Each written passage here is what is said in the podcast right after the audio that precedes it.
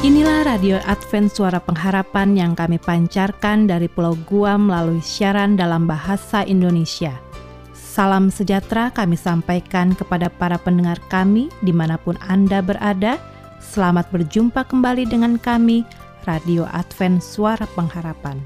Dengan senang hati kami akan menemani Anda melalui rangkaian acara yang telah kami persiapkan khusus bagi Anda sekeluarga.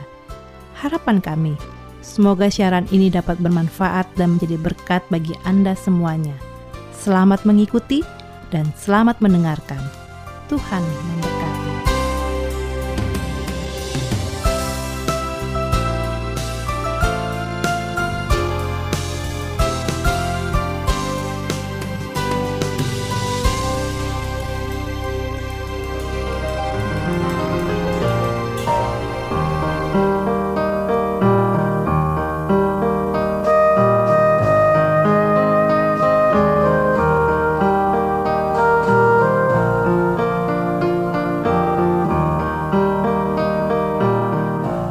Terima kasih untuk Anda pendengar Radio Advent Suara Pengharapan yang sampai saat ini masih terus mengikuti acara kami. Dan pada saat ini kita akan memasuki satu segmen yang sangat menarik yang akan membahas tentang berbagai hal seputar wanita dalam serba-serbi wanita.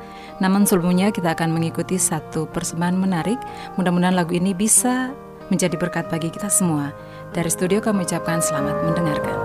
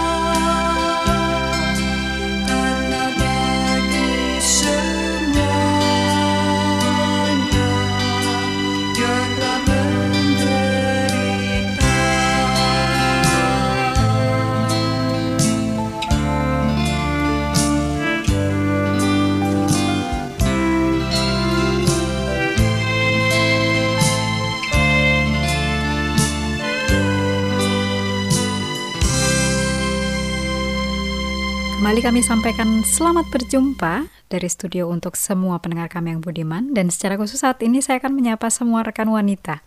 Karena memang di ruang ini kita akan lanjutkan bincang-bincang kita ya tentang beberapa topik yang lebih khusus kepada kaum wanita.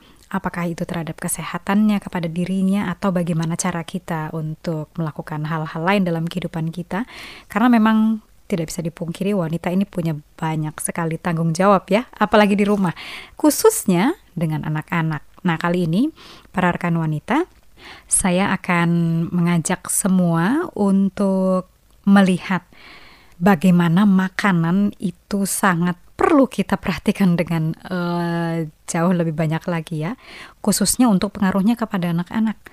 Karena kalau kita perhatikan sekarang nih, apalagi kalau kita membeli makanan-makanan yang sudah dikemas ya.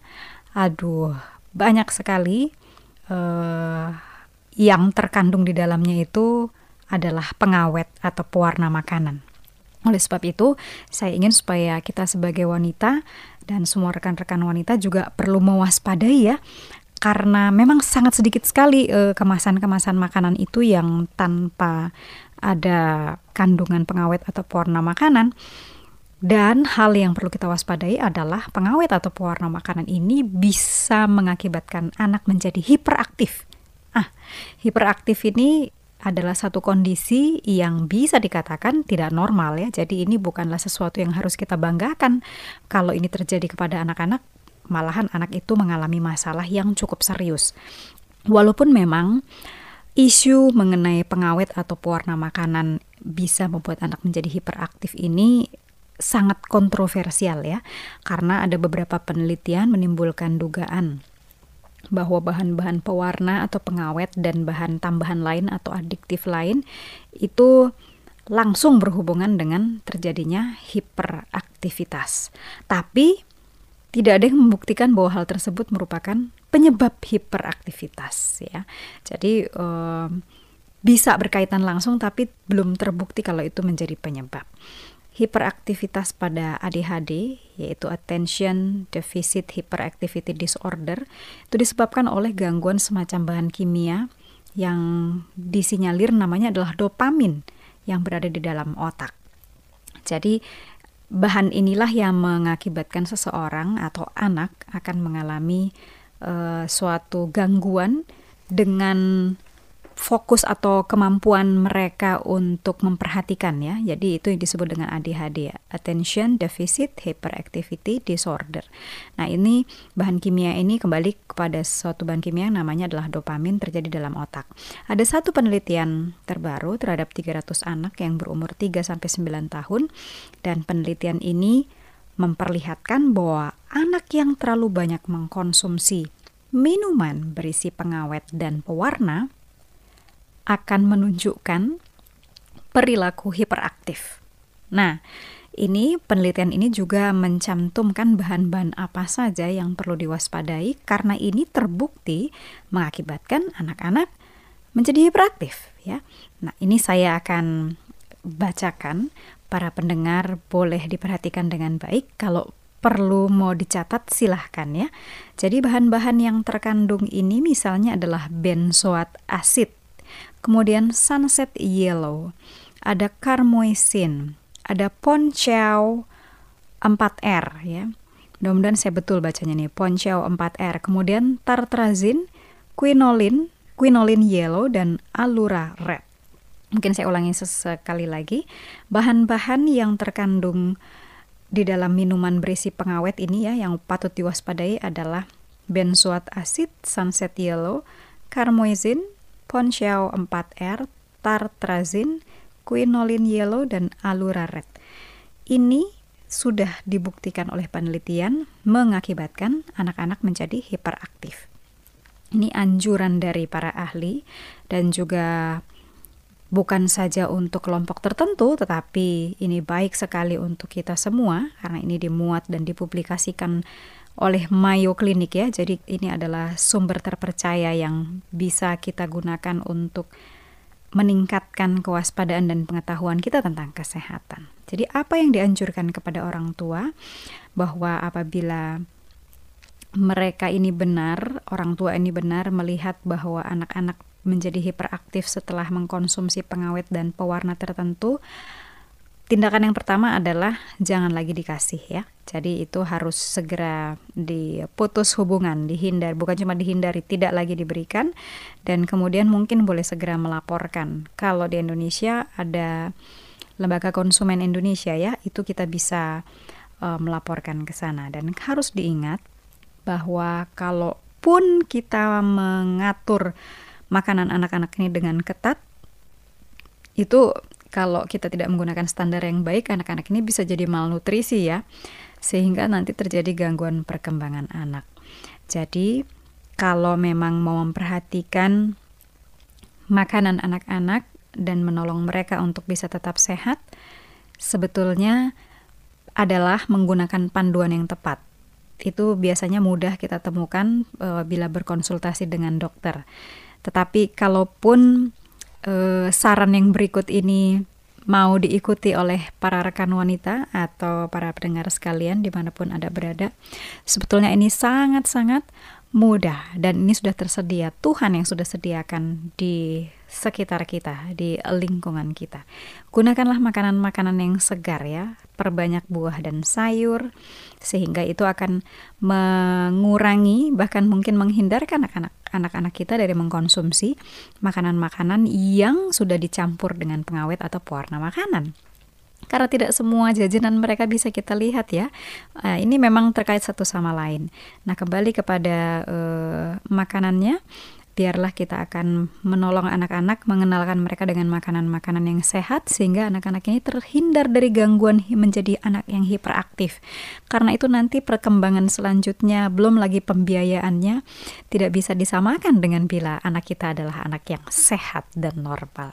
Nah, para wanita dan para pendengar sekalian yang masih bersama dengan kami.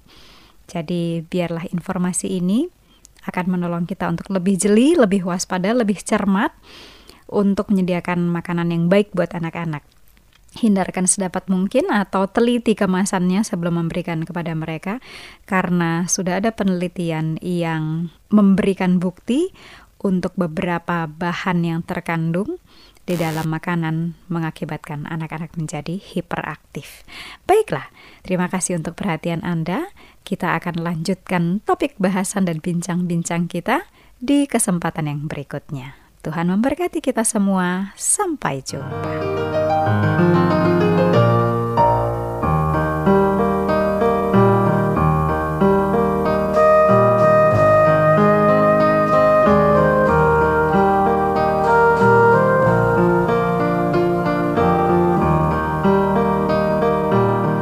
Saudara pendengar, demikianlah acara serba-serbi wanita yang telah kami hadirkan ke ruang dengar Anda. Kiranya acara tadi bisa menjadi berkat bagi kita semua dan sampai jumpa pada episode berikutnya. Shalom bagi semua sahabat pendengar. Kabar baik bahwa kisah dan kesaksian terkait siaran dan pelayanan AWR Indonesia kini dapat diikuti secara berkala, baik melalui siaran harian Radio Advent Suara Pengharapan setiap minggu kedua dan keempat, juga melalui YouTube dan Facebook AWR Indonesia. Terima kasih banyak untuk yang sudah menyampaikan dan masih terbuka bagi Anda semua untuk segera SMS atau telepon ke nomor AWR di 0821 1061 1595 atau di nomor 0816 1188 302 untuk WhatsApp dan Telegram. Kami tetap menunggu dukungan Anda.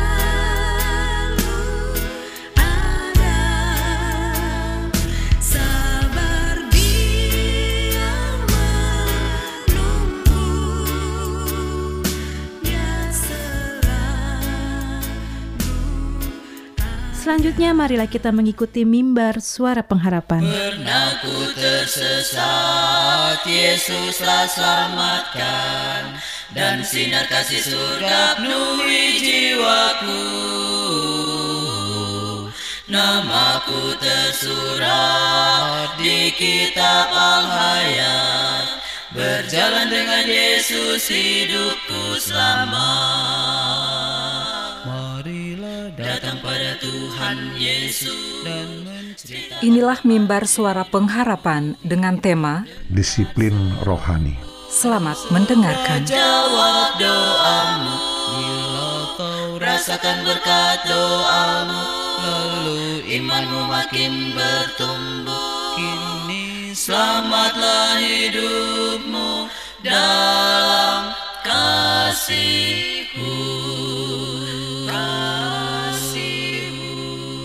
Shalom saudaraku yang diberkati Tuhan, kita bersyukur saat ini diberikan kesempatan untuk mendengarkan sabda Tuhan dalam acara Mimbar Suara Pengharapan bersama saya Pendeta Togar Simanjuntak dengan juru pembahasan kita disiplin rohani. Saudara-saudara, Anda kalau disuruh minum obat oleh dokter karena satu penyakit yang mau tidak mau harus Anda minum katakan tiga kali satu hari, apakah sesudah makan, apakah sebelum makan, atau mungkin sekali sehari, waktu malam, sebelum tidur, dan lain sebagainya, petunjuk dokter, maka saya yakin dan percaya Anda akan disiplin untuk melakukannya. Tujuannya apa? Supaya Anda sehat, supaya Anda bisa melakukan aktivitas dengan baik dan normal. Nah, itulah dikatakan disiplinnya. Tetapi dalam hal disiplin rohani, ya, ini yang perlu kita coba lakukan. Dalam buku Daniel pasal 6 ayat 11 katakan, dalam kamar atasnya ada tingkap-tingkap yang terbuka ke arah Yerusalem. Tiga kali sehari ia berlutut, berdoa, serta memuji Allahnya, seperti yang biasa dilakukannya. Nah, saudara-saudara ini harus kita perhatikan dengan sangat hati-hati. Sering kita merasa kita punya disiplin, tapi hal lain kantor, jam jam kantor, jam apa segala macam. Mungkin tugas kita sangat disiplin menyelesaikannya. Tapi giliran kita mungkin untuk berdoa atau baca firman Tuhan, aduh kasihan. Orang bilang sekedar formalitas. Bahkan yang lebih menyedihkan ke gereja juga datang seperti kau datang dan pergi sesuka hatimu. Datang terlambat, pulang cepat. Lalu kemudian tidak tahu ke mana. Daniel, saudaraku, dia melakukan disiplin rohani tiga kali berdoa satu hari. Dia bertelut ke hadapan Tuhan. Dia memohonkan pengampunan kepada Tuhan.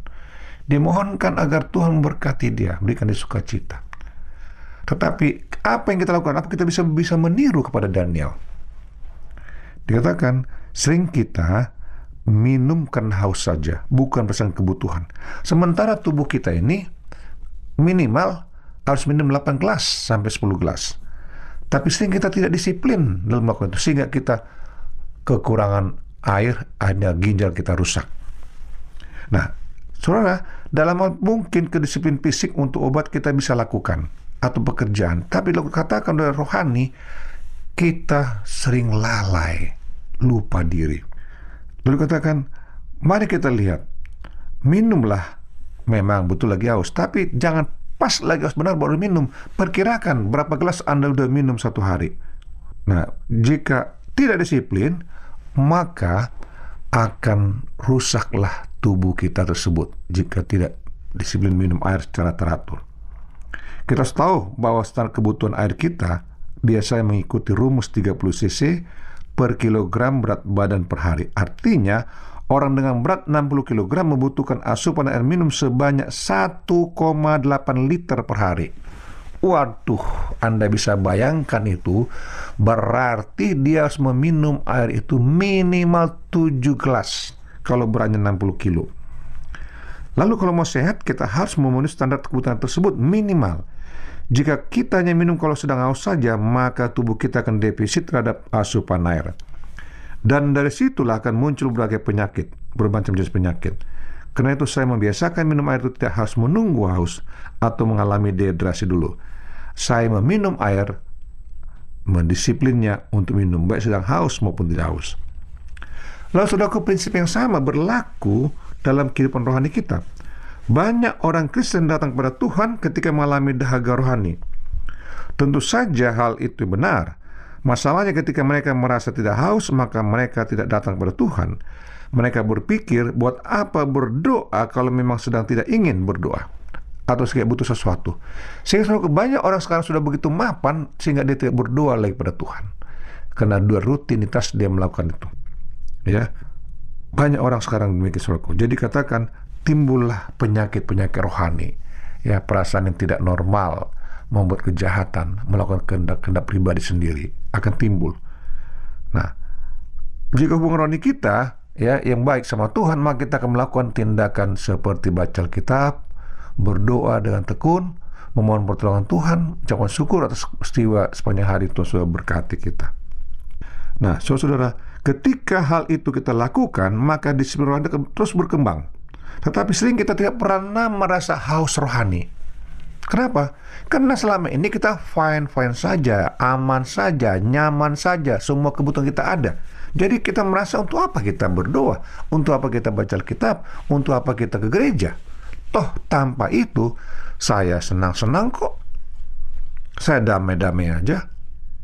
Tanpa pun saya ke gereja, buktinya rumah tangga saya aman sentosa anak-anak sekolah dengan baik di luar negeri, kebutuhan saya pun bisa lakukan dengan baik, bisa keluar negeri liburan. Nah, saudaraku, sering kita katakan, buat apa ke gereja? Kalau sekarang kita hanya tidak ada kerinduan, tidak ada beban ke sana, tidak kebutuhan. Toh saya sudah butuh, dicukupi semua. Nah, saudaraku, sering kita bertindak, berbuat semunafik dalam hidup ini. Kita kelihatan seperti orang beragama, kelihatan seorang yang membutuhkan akan kerohanian orang daripada Tuhan. Tapi sebenarnya hati kita sudah terapuh ya. Rapuh tidak ada sama sekali untuk uh, bagaimana bisa mendisiplinkan diri dalam hal kerohanian kita ya. Jadi rapuh. Nah saudaraku membaca firman Tuhan atau mendisiplin diri secara kerohanian bukanlah hanya kebetulan pada saat di gereja atau kebetulan ada tugas mungkin atau ada hal-hal khusus sendiri. Tapi biasakan lakukan baca itu dengan rutin. Nah saudara kalau kita tidak punya kerinduan membuat disiplin rohani ini maka sia-sialah kita. Kalau kita akan akan rusak. Nah ada waktunya juga kita kadang merasa jenuh untuk berdoa atau malas beribadah. Nah saudaraku mari kita latih diri kita disiplinkan diri kita agar kita bisa mendapatkan apa yang Tuhan sudah perintahkan bagi kita. Nah, saudara, jika kita yakin untuk itu dan rindu didoakan dan ada hal yang mau tanyakan, hubungi kami di klien dari mimbar suara pengharapan. Dengan penuh sukacita selalu kami akan selalu melayani dan mendoakan Anda. Tuhan berkati Anda lain dan harapan kami. Salam saudaraku. Amin.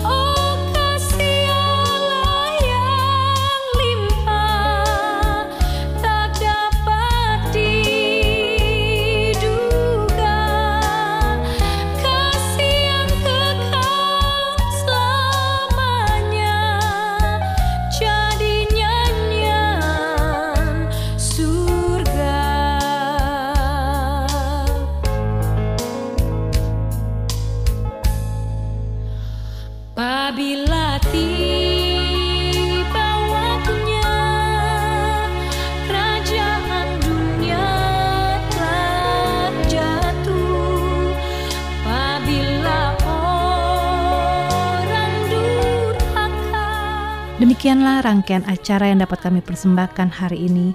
Dan apabila Anda mempunyai pertanyaan atau ingin mendapat pelajaran Alkitab penemuan baru, silakan menghubungi kami dengan cara mengirimkan surat ke alamat Radio Advent Suara Pengharapan, PO Box 8090, Jakarta 12810 Indonesia. Telepon 0821 1061 1595. Alamat email awrindonesia@yahoo.co.id. Anda juga dapat bergabung di Facebook kami, pendengar Radio Advent Suara Pengharapan, juga Radio Advent Suara Pengharapan. Terima kasih kami ucapkan bagi Anda semua pendengar kami yang setia. Kita akan berjumpa kembali pada waktu dan gelombang yang sama esok hari. Salam kasih dan sejahtera. Kiranya Tuhan memberkati kita semua. Jika pun